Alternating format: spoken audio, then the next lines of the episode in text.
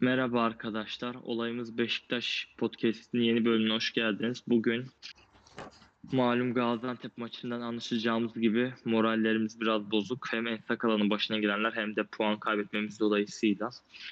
Öncelikle istiyorsun Ensakala'dan başlayalım.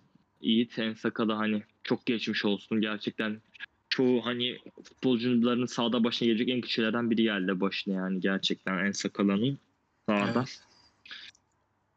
Çok sıkıntılı bir durumdu yani onu sahada öyle görmek. İnsan üzülüyor açıkçası. Doğru bir anda futbolcunuzu öyle yerde kıvranırken görmek, Necip'in koşması falan insanların tüylerini ürpertiyor açıkçası.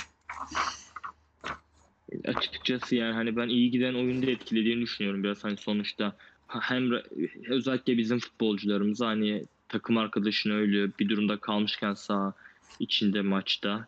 Hani insan ne kadar içine devam edip oynamak gel gelir onu da bilmiyorum açıkçası ve ben zaten hakemin de maçı ertelemesi gerektiğini düşünüyordum. Yani hani ufak bir sohbeti oldu Sergen Yalçın ve Erol Bulut'la.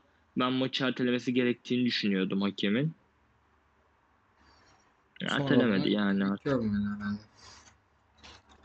E tabii yani işte hani yanlış bir karar olduğunu düşünüyorum. Çünkü oyuncular özellikle Beşiktaş'ın oyuncuları, rakip oyuncular da kapsayabiliriz buna. Sahada bir meslektaşını o halde gördükten sonra yani hani ne kadar e, iyi bir modda ruh halinde olabilirler o da tartışılacağı için de neyse artık oynandı. Bir Belli. puanımıza razı olduk diyelim. Yani bir puana razı olduk. Yani maç için. Ya maça geçecek olursak da ilk yarı e, sahada gerçekten çok etkisiz bir Beşiktaş vardı. Hani baktığımız zaman bir varlık ortaya koyamadı. Hani hiçbir tehlikeli pozisyon oluşturamadı. Bir Gezal'ın şutu var yani. O da pozisyon hani o kadar kötü bir maçtı ki pozisyon olarak şunu söyleyebiliyoruz bir tek. Onu sayıyoruz. Sıkıntılı bir durumdu. İşte genelde Kenan'ın fiziksel üstünlüğünü kullanmaya çalıştık. Bu maç Enkudu biraz yoktu yani sahada. Çünkü Sergen Yalçın sanırım ondan biraz daha içeriye girmesini istemişti. Fakat çizgide kaldı. Hani çizgide belli bir oyun sürdürmeye çalıştı. Daha sonra zaten ikinci yarı başında hemen Larin aldı oraya. Enkudu maç yetersizdi yani. Geçen maç gibi oynayamadı. Sadece Ya gol ve asistten bağımsız olarak. Ya bana sorarsan zaten şey bak hani eee Gaziantep'in sağ kanat beki Kitsu'yu zaten geçen sene Ankara Gücü'nün sağ bekiydi. Defansif yönde güçlü olan bir oyuncu baktığımız zaman. Bak baktığımız zaman Enkudu'nun zaten adam eksiltmesiyle dar alandaki yeteneğiyle, yeteneğiyle fark yaratan bir oyuncu olmadığını hepimiz biliyoruz. Yani açık alan verildiği zaman boşluk bulduğu zaman çok daha verimli olan bir futbolcu. O boşluk hiç açık alanda bulamadı ayrıca. Bu maç çok kalabalık olduğu için Gaziantep savunma attı. Onun dışında yani hani Kenan işte hani bir iki bir şey yapmaya çalıştı işte yani Kenan sonuçta hani bir yere kadar oluyor hani çok yetenekli bir oyuncu değil malum. Malumumuz çok yetenekli bir oyuncu değil. Sınır, çok kolay sınırlandırabildi yani. Antep savunması. Bir iki işte böyle sırtı dönük duvar oldu oyuncularımız. O kadar yani çok başka bir şey yoktu. Onun dışında ben de sana katılıyorum. İlk yarı kötü gördüm. Atiba yine etkisizdi bu maç. Oyundan Evet. çıkana kadar yine çok etkisizdi. Bir pozisyonu var sadece. Onun dışında biz ilk yarıda alan bulamadık aslında. Gaziantep o daralmayı çok iyi yaptı. Ne, hücumdan zaten şey yapıyorlardı. Bizden kaptıkları toplarla hızlı çıkmaya çalıştılar. Yer yer etkili de oldular. Ama savunma konusunda o büzülmeleri gerçekten çok iyi yaptılar. Çok zor alanlar bulduk. Yani en net pozisyonlarımız herhalde onların e, offside'ı bozmasından kaynaklanan bireysel hatalardan doğan pozisyonlar. Onları da değerlendiremedik bugün. Evet hani özel mesela bizim özellikle ilk başlarda Diko'nun sakatlanıp oyundan çıkmadan önce aslında Gaziantep ön hattımızda da çok ciddi tehdit oluşturdu. Savun, savun bizim savunmamız için çok ciddi bir tehdit oluşturdu. Bir iki böyle arkaya atılan toplar oldu.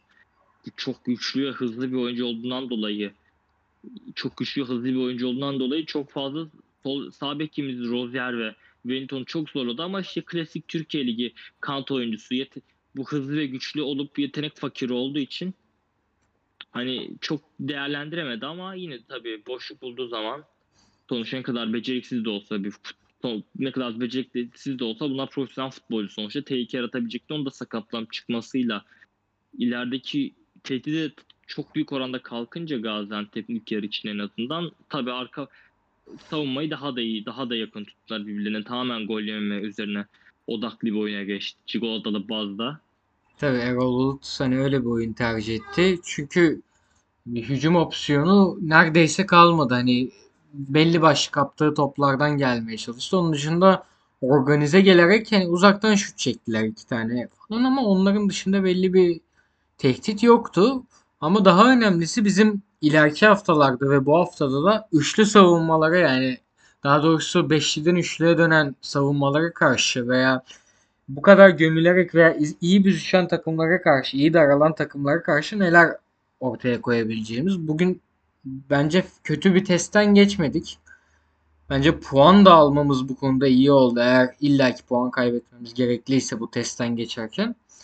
Fakat eee bunun tabii merak konusu. Özellikle büyük rakiplerden Fenerbahçe böyle oynuyor. Onlar da üçlü savunmaya sahip. Savunmaya geçtiklerinde beşli oluyorlar. İleriki haftalarda bu sorunun cevabını alacağız herhalde.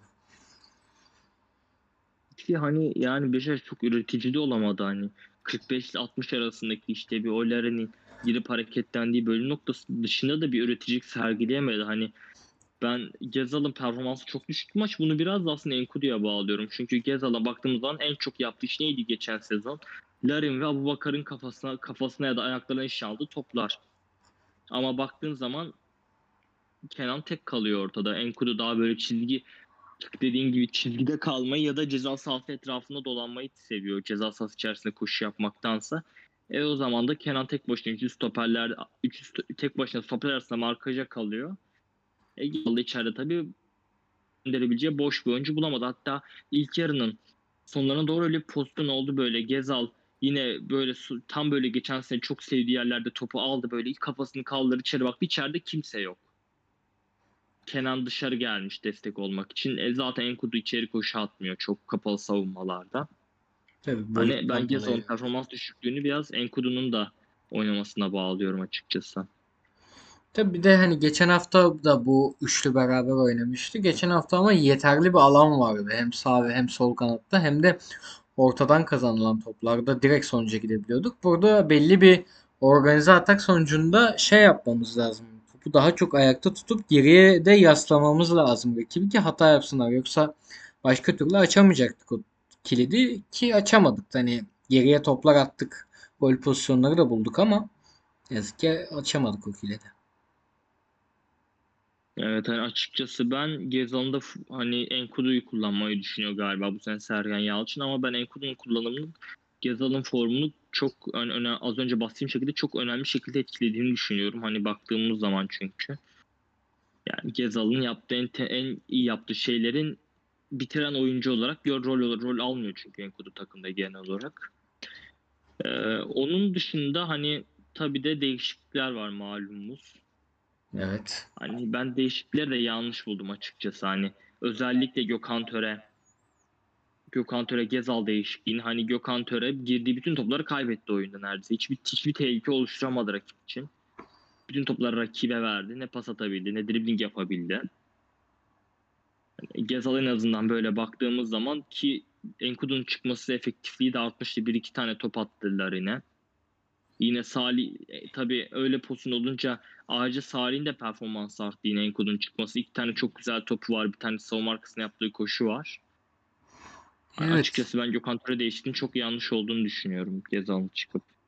Onu herhalde Ensakala'yı değiştirmeyi düşünmediği için yapmıştı. Hani 3 Türk olsun diye. Sonra zaten Ensakala otomatik sakatlanınca onu değiştirmek zorunda kaldı. Evet hani biz biz maçı izlerken de bilmiyorum belki sen de öyle hissetmişsindir. Hani ben evde bağırıp durduk babamla yani. Al şu artık en sakalı oyundan. Ya, ya çünkü hani bir sarı kart yedikten sonra bir müdahalesi var. Ya sarı yiyecekti ya da arkada böyle kap, kaptırdığı pozisyonlar var. Poz, top kaptırdı, uzaklaştıramadığı pozisyonlar var. Hani sıkıntı yaratıyordu en sakala. Ve bir de cebinde bir sarısı vardı. Bence hani Rıdvan en sakala değişikliğini yapmalıydı ki Beşiktaş savunma savunma önceliğinde ikinci plana attığı bir durumda. Hani gol attı, gol aradığı bir durumda bence. Gezallı, Gökhan Töre yerine en sakala en sakala er, e, Rıdvan değişikliğini yapmalıydı. Evet haklısın. Ya yeni transferlerimize gelecek olursak da biraz zaman vermemiz gerektiğini düşünüyorum. Hani gerek Alex gerek Batshuayi onları hiç şey yapmak şey yapmak için doğru bir ölçü değil bu maç sonuçta. Evet, Değerlendirmek için. kısıtlı süre oynadılar zaten. Alex'in bir tane pozisyonu var. Batshuayi biraz yalnız kaldı yani ya- biraz değil bayağı yalnız kaldı. Adam ne zaman pozisyon kamera çekse neredeyse tek yani. İki kişi var, bir kişi var.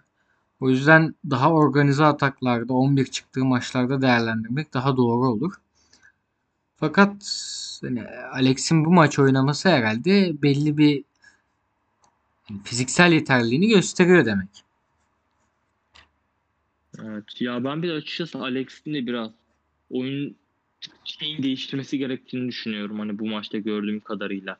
Biraz daha farklı bir oyun adapte olması gerektiğini düşünüyorum. Çünkü dediğin gibi Batshuayi hem yalnız kaldı hem bir de orta sahada Beşiktaş oyun kuracak, pas yapacak. O üçüncü adam bulamadı. Topu Batshuayi'ye götürecek. Alex sürekli içeriye koşu atmakla meşguldü çünkü. Hani bu yaptığı koşuları daha hızlı indirip oyun kuruluna biraz daha katkı vermesi gerektiğini düşünüyorum ben. Çünkü hani baktığımız zaman bir iki pozisyon var hatta böyle. Bizimkiler ayağa oynamaya çalışırken Tekşire çoktan koşuya başladığı için top rakibe geçti hemen Evet. bir iki pozisyonda. Hani biraz daha Alex'in bence eski golcü profilini biraz daha zıplayıp daha böyle orta sahada kalması gerektiğini düşünüyorum. Ben hani daha böyle bir ofans ikinci forvetten çok ofansif orta saha rolünü soyulması gerektiğini düşünüyorum. İlerleyen maçlarda daha verimli olabilmesi için Beşiktaş adına. Anladım. Şey gibi mi? 2015-16 şampiyonluğundaki Sosa gibi mi? Yani hani o kadar olmasa bile hani en azından bir Talisca kadar geriye gelip arası en azından pas yapması lazım ki aslında o dönemki Talisca'nın da en büyük avantajı önünde önünde böyle pasifize forvetleri olması ve hani onları bir bakıma yok sayıp oynamasıydı. Takımların takımın onun üzerine çalışmasıydı biraz da. Ki ama Alex için böyle bir hani imkanı yok Beşiktaş'ın. Ha bir de ayrıca belki bunun kaynağı biraz şey de olabilir. Hani dediğimiz gibi Gökhan Töre ile Gezal değişikliği de bunun sebebi olur. Çünkü senin orta sahada top yapabilecek tek adamın Salih kaldı ki onda yeterli tartışılır Ge- Gezal çıkınca. E zaten Alex içeri kat ediyor. Orta sahada top yapabilecek oyun kal- adam kalmadı. Oyun kurabilecek adam kalmadı. Hani o yüzden Gezal değişikliği bence iki kere yanlış hani baktığımız zaman. Tabii. Maçın sonlarında da orada zaten kötü pozisyonlar gördük kalemizde. Gerçekten gol olabilecek pozisyonlardı onlar. Gaziantep sanırım bir isabetli şutla bitirdi maçı. Yani Ersin'in bir tane çıkardığı top var. Onun dışında isabetli şutu yoktu. Fakat gerçekten tehlikeli geldikleri anlar oldu. Dileriz Yani haftaya pozisyon- şeyle oynuyoruz. Ka- Karagümrük'le oynuyoruz. Yani bu hataları veya bu eksiklikler burada gözükmez. ki Fatih'in baktığımız zaman ön alanında bu eksikleri değerlendirebilecek yetenekli oyuncular daha fazla gerek Borini olsun. Hani Borini geçen hafta yoktu ama belki bizim maça hiç Kerim hani Fry. var. Emin değil tabii ki. Ya Kerim Fry yine hadi neyse hani Kerim Fry da çok yetenekli bitirici bir oyuncu olduğunu söyleyemeyiz ama Ahmet Musa ile Borini gerçekten çok tehlike yaratabilecek oyuncular Beşiktaş'a. Hani bitiricilikleriyle bu haftaki bu hafta Jefferson'ın davr cömert davrandığı kadar cömert davranmazlar o pozisyonu bulursa ikisi de yani. Hani Kerim Fry'ı bilemeyeceğim o konu bitiricilik konusunda o oy- oyuna davran o kadar bitirici keskin olmayabilir ama onda tabii hani fiziksel olarak hızlı olmasından kaynaklı, çabuk olmasından kaynaklı yaratacağı bir tehdit var ki bu hafta da yine hani dediğim gibi programın başında Diko'nun o sakattan çıkasıya kadar yarattığı tehdit de benzer bir tehdit yaratabilir yani. O yüzden Sergen'in çok iyi hazırlaması lazım haftaya takımı. Evet. Bugün 22'si. Bundan sonra bizim gündemimizi en çok ilgilendiren olay herhalde 26'sındaki kura çekimleri. Tabii oradan çünkü yani baktığımız zaman bizim Avrupa'daki durumumuz belirleyecek aslında en kritik şey kura çekimi bahsettiğin gibi.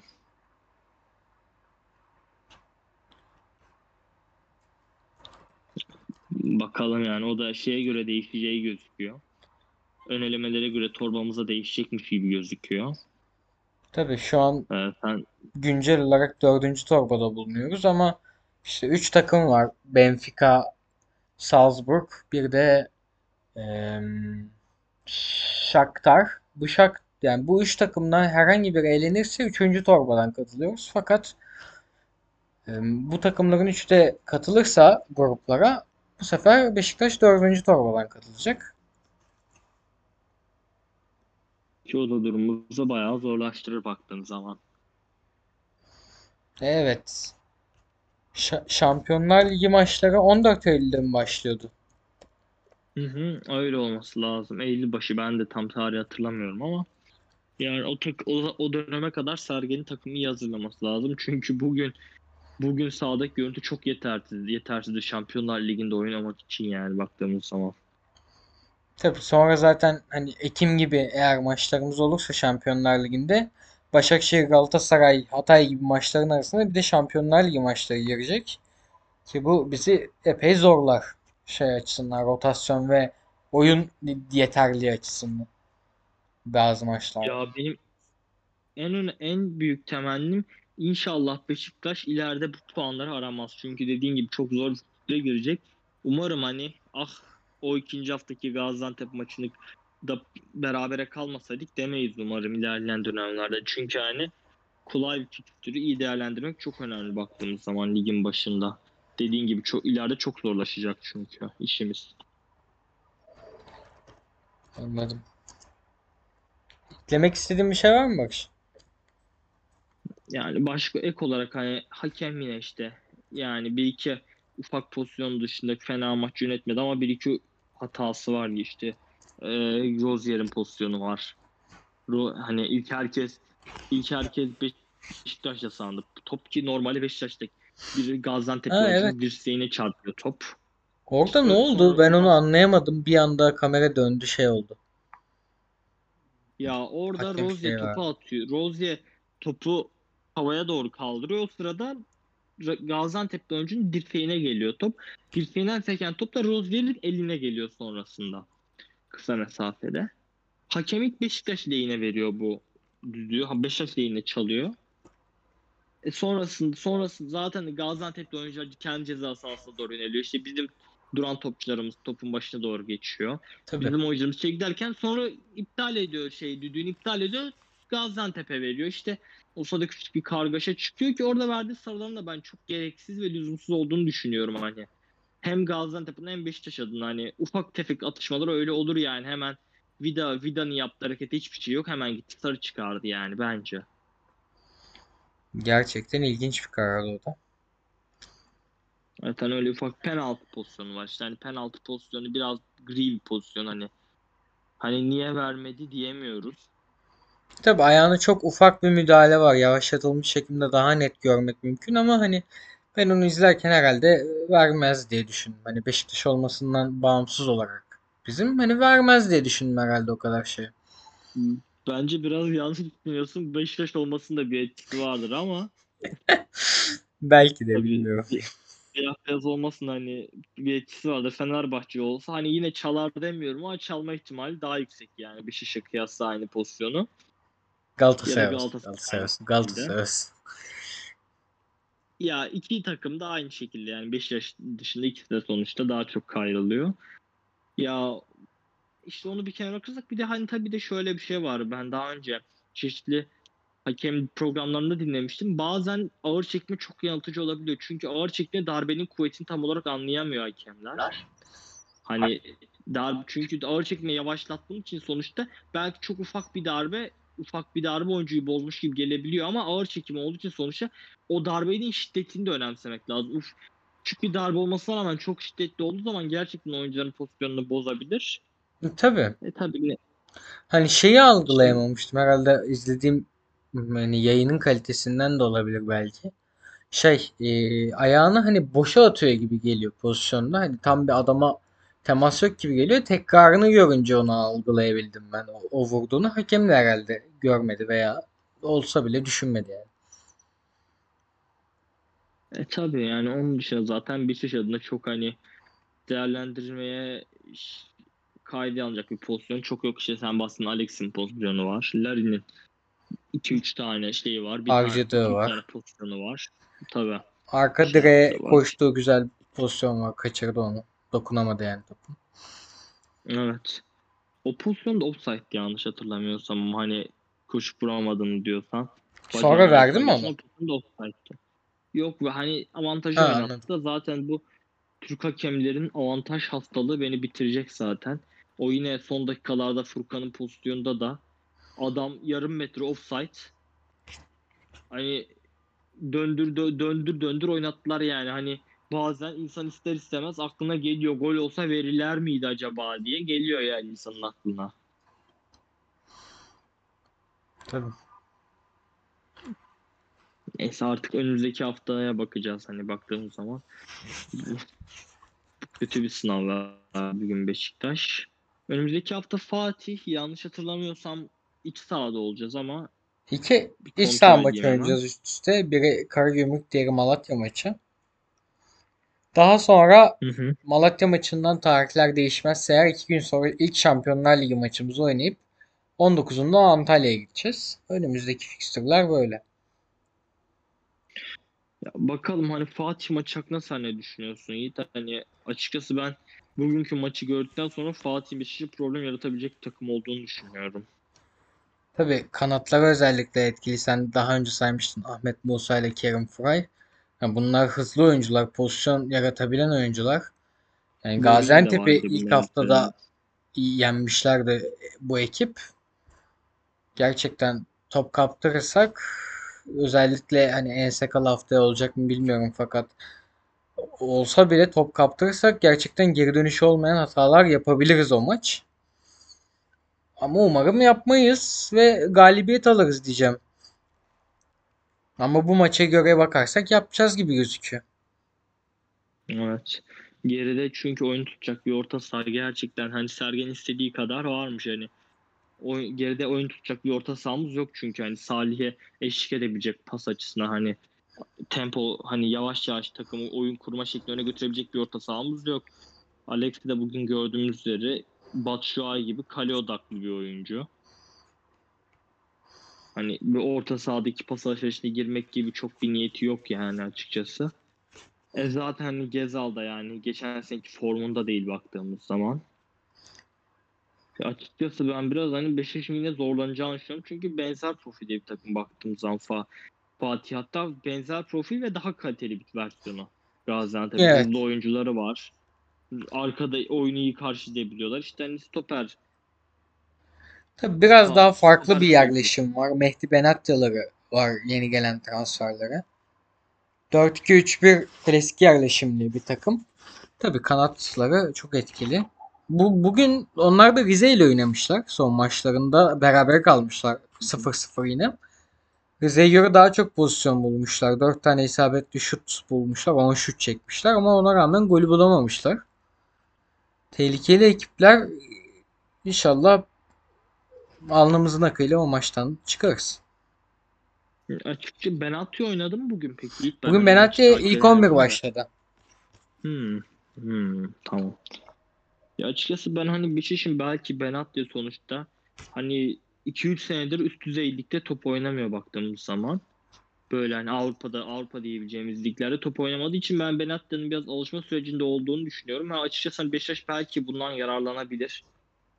Hani sonuçta geri hattında sen yeterince iyi pres yapabilir, yapabilirsen daha fiziksel olarak ne kadar üst ka- ka- geçmişinde kaliteli bir kariyeri olmuş olsa olursa olsun sonuçta bu oyuncular yani robot değil belirli bir süreye ihtiyaç duyuyorlar hem takım alışmak hem fizik konusunda olarak kendilerini toparlamak için.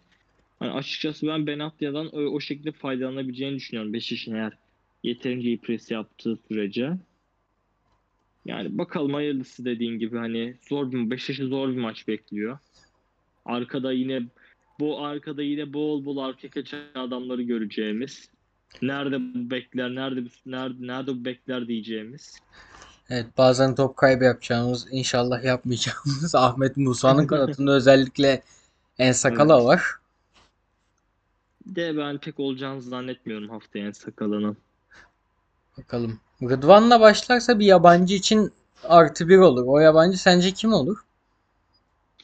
Ya bugün açıkçası hani Tekşehir ile Batshuayi pek de hazır bir görüntü vermedi de gerçi çok da baz almamak lazım. Sonuçta En Sakala'nın yaşadığı şey var. Hani ne kadar odaklanabildi futbolcular maça bir de ilk maçları. Peki Daha bir sence hafta süren bir alışma süreci daha olacak ama hani açıkçası bana sanki Batshuayi'den yana kullanırım gibi geliyor Sergen bu tercihini. Yani bana da öyle geliyor. Hani en doğru olup olmadığını bilmiyorum. Fakat bana da öyle geliyor. Hani eğer öyle bir tercih yaparsa eğer Kenan yerine Batshuayi'yi kullanacak. Herhalde Gezal, Batshuayi, Enkudu gibi bir şeyle çıkabilir. Hani bu sefer Evet. Batshuayi'yi Gezal içeri baktığında bulabilecek. Çünkü, çünkü Kenan profilinde bir forvet değil Batshuayi. Yani kendisine top atılmasını isteyecektir veya top aldığında arkadaki alanlardan Gezal veya Enkudu yararlanacaktır. E, evet tabii, tabii bu arada ben haftaya da Larin'le oynayacağını düşünüyorum bu ilk 11'de. Tabii ya yine üçlü mü oynuyor yanlış bilmiyorsam Fatih. Yok hayır Geçen Fatih sene 4-2-3-1 zaman oynuyor. Ha Fatih Fatih belki biraz daha uygun bir rakip olabilir o zaman Enkudu'la oynamasın da. Hani bu hafta çünkü çok etkisiz gözüktü Larin'le kıyasla oynadığı dönemde. Ki Larin çok daha kısıtlı bir süre sağ için hani kaldı ona bakarsak hani en sakalananki durumunu saymazsak hani daha iyi gözüktü bugün Larin sahada. Yani bakalım ben açıkçası Larin'in bir tık daha bir adım daha önde olduğunu bir, görüyor, düşünüyorum ama belli de olmaz açıkçası. Bakalım. Aslında Beşiktaş'ın iyi bir Laiç'e çok ihtiyacı vardı. Ondan da umudu kestik gibi gözüküyor. Ya Evet, kadro dışı kaldı sanırım. Açıklama yapıldı. Evet. Ya çünkü bu maçta baktığın zaman aslında iyi bir Laiç'e çok ihtiyaç vardı orta sahada. Rakip transition game dediğimiz bağlantı oyunu sağ, sağlay sağlayamadı Beşiktaş çünkü to aya- ayak yeteneği yüksek bir oyuncu kalmadığı için o sahada çok fazla Salih dışında. Ki Salih de zaten hani ne kadar yapıyor yapamadığı tartışılır daha önce de bahsettiğim gibi. Hani Laiç gibi bir oyuncu o açıdan çok aradı ama tabii yani son Laiç'i değil. İlk geldi sezonki Laiç aradı daha çok diyelim hatta. Tabii. İstersen güncel transfer söylentilerine de birazcık bakıp hı. sonra kapatalım olur mu? Tabii tabii. Ee, Kaan Ayhan konuşuluyor yoğunlukla stoper transferi için son dönemlerde. Ben çok yerinde bir transfer olacağını düşünüyorum. Sonuçta hani Beşiktaş büyük ihtimal Şampiyonlar Ligi'nde gruplardan çıkamayacak baktığımız zaman. Hani hem ya hani ço- o yüzden çok pahalı bir transfer yapmasına gerek yok bence maaş yükü olarak. Stopere daha böyle gelecek vaat eden 5 yaşın bonservis kazanabileceği bir oyuncu olmasını istiyorum. Kaan Ayhan bu profillere uyuyor. Bir de üstüne üstlük Türk yerli bir oyuncu olmasından dolayı yabancı sınırlamasına elini çok rahatlatıyor Beşiktaş'ın. Ben o yüzden Kaan Ayhan'ın gelirse süper bir transfer olacağını düşünüyorum Kaan Ayhan'ın gelmesini. E, evet ileriki haftalarda özellikle Wellington'un yerine Kaan Ayhan artı bir olur Beşiktaş'a gerçekten. Hani Instagram'da sürekli gözüküyor ya artı bir olur mu artı bir olur mu? Ha, Artı bir transfer bu. Bugün yine yani Wellington'u gördük yine yani böyle saçma sapan top kayıpları ki üzerine pres yokken bunları yapması işte. Hatta bir poz Sergen kenardan işaret yaptı. Kafana niye vuruyorsun göğsüne kontrol etsene diye de. Evet. Yani Kaan Ayhan oyun kurma özelliği de daha iyi bir oyuncu tabii Wellington'dan. Ayağı da daha iyi bir oyuncu. Belli kafa vuruşları İnşallah var duran toplarda. Hadi tabii diğer oyuncuların da var ama hani o özelliği de milli takımda öne çıktı. tabii. İşte bir de Marcelo konuştu. Marcelo'nun Lyon'a sözleşmesini feshedeceğine dair bir dedikodu var. E, Evet, o sanırım geçen hafta yaptıkları maçta hatalı goller yemesine sebep olmuş ve kadroda düşünülmüyordu. O yüzden bir kadroda yer almama durumu söz konusu.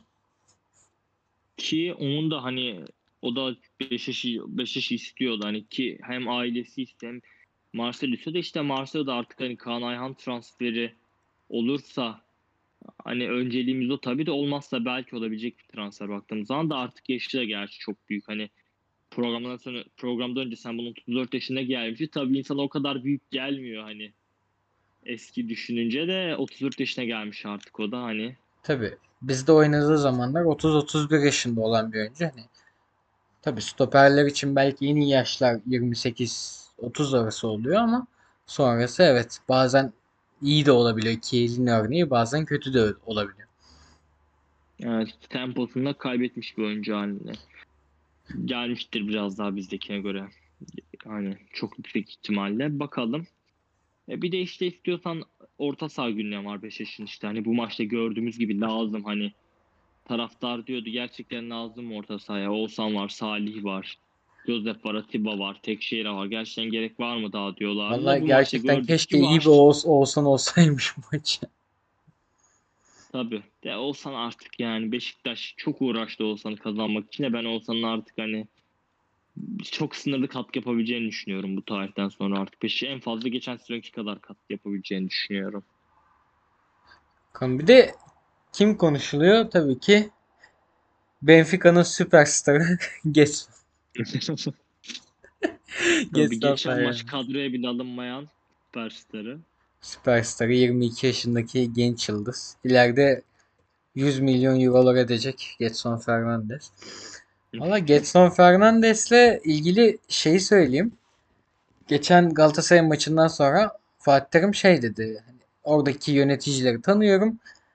Getson Galatasaray istiyor ve bu konuda herhalde Getson'a güveniyorum gibisinden bir şeyler dedi.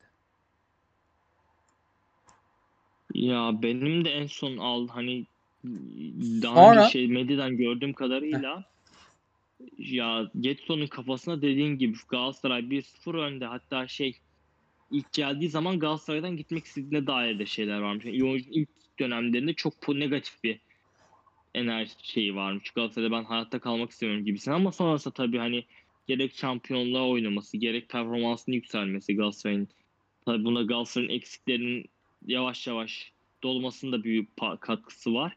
Hani Get- Getson'un Galatasaray'a bak- bakışı pozitifleşmiş ve tabii baktığımız zaman geçen sezon aynı ülkenin aynı ülkenin takımı geçen sezon hani oynadığı rakip takım rakip takım ve bu takım şampiyon oldu. Hani oyuncu ne kadar ister bilinmez tabii de tabii bu transfer işleri belli olmuyor. Çok her şey paraya bakar baktığımız zaman. Benfica ikna edebilirse Beşiktaş Getson'u da ikna etmekte zorlanacağını düşünmüyorum ben. Eğer Tabii. Sergen çok Sergen Yalçın bu transferi çok istiyorsa. Bir de şey var. Oyuncunun İspanya'dan da alıcısı var. Fakat onlar da Galatasaray ve Beşiktaş'ın yani çıkmadığı fiyatlara çıkmıyorlar. 15 milyon eurolara yani çıkmıyorlar. Belli bir orada şey konusu, fiyat konusunda Benfica ile uzlaşılamıyor. Benfica da oyuncuyu kiralığa gönderme konusunda belki Eylül'e doğru istekli olabilir. Çünkü transfer sezonunun kapanmasına az süre kalmaya başlıyor artık.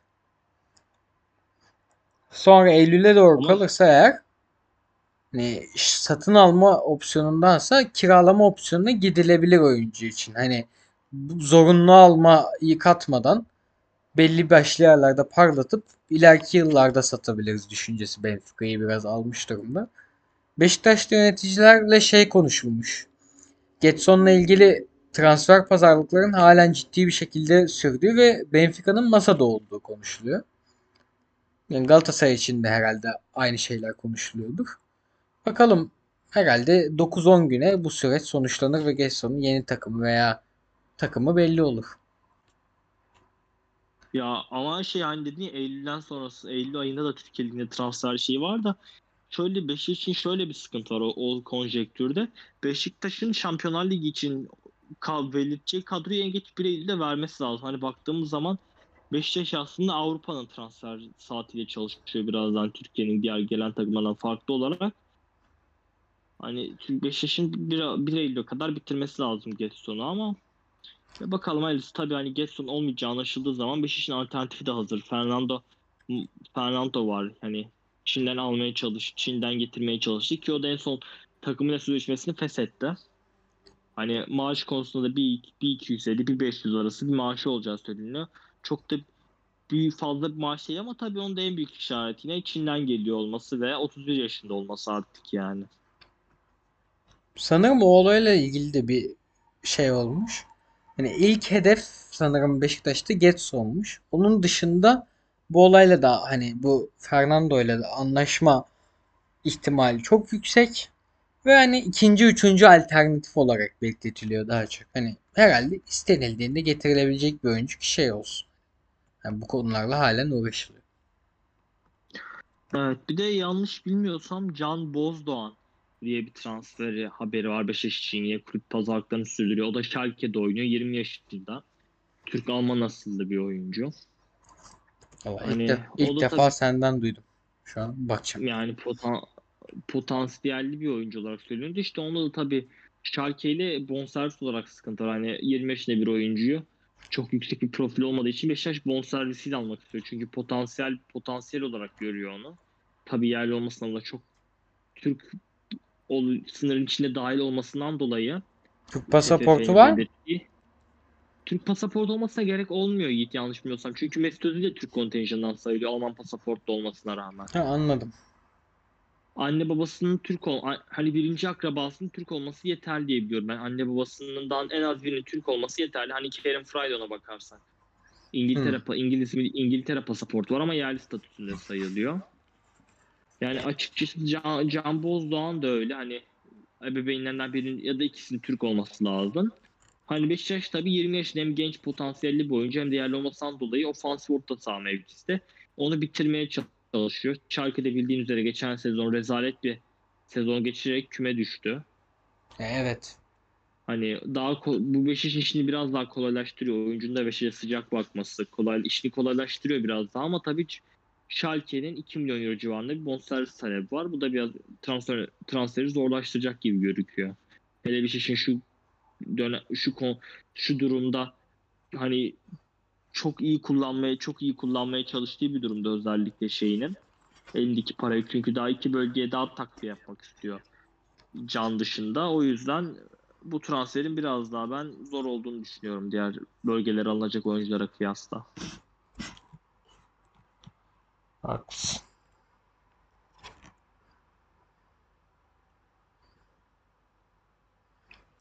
İstersen kapatalım. Podcast konuşacaklarımız bitti çünkü. Hı hı. Hani maçı Evet. konuştuk. Biraz Şampiyonlar Ligi'ne değindik. Sonra transferlere değindik. Bence güzeldi. Güzel bir yayın geçirdik. Aynen. Evet sayın dinleyiciler bir olayımız Beşiktaş podcast'in daha sonuna geldik. Biraz burkuk bir son olsa da malum Beş- Be- Beşiktaş maçından dolayı hafta haftaya öyle haftaya Fatih maçından sonra hem kura çekimleri alakalı hem de Fatih maçıyla ve olası yeni transferlerimiz hakkında konuşmayı planlıyoruz. Haftaya kadar kendinize çok iyi bakın. Hoşça kalın. Hoşça kalın.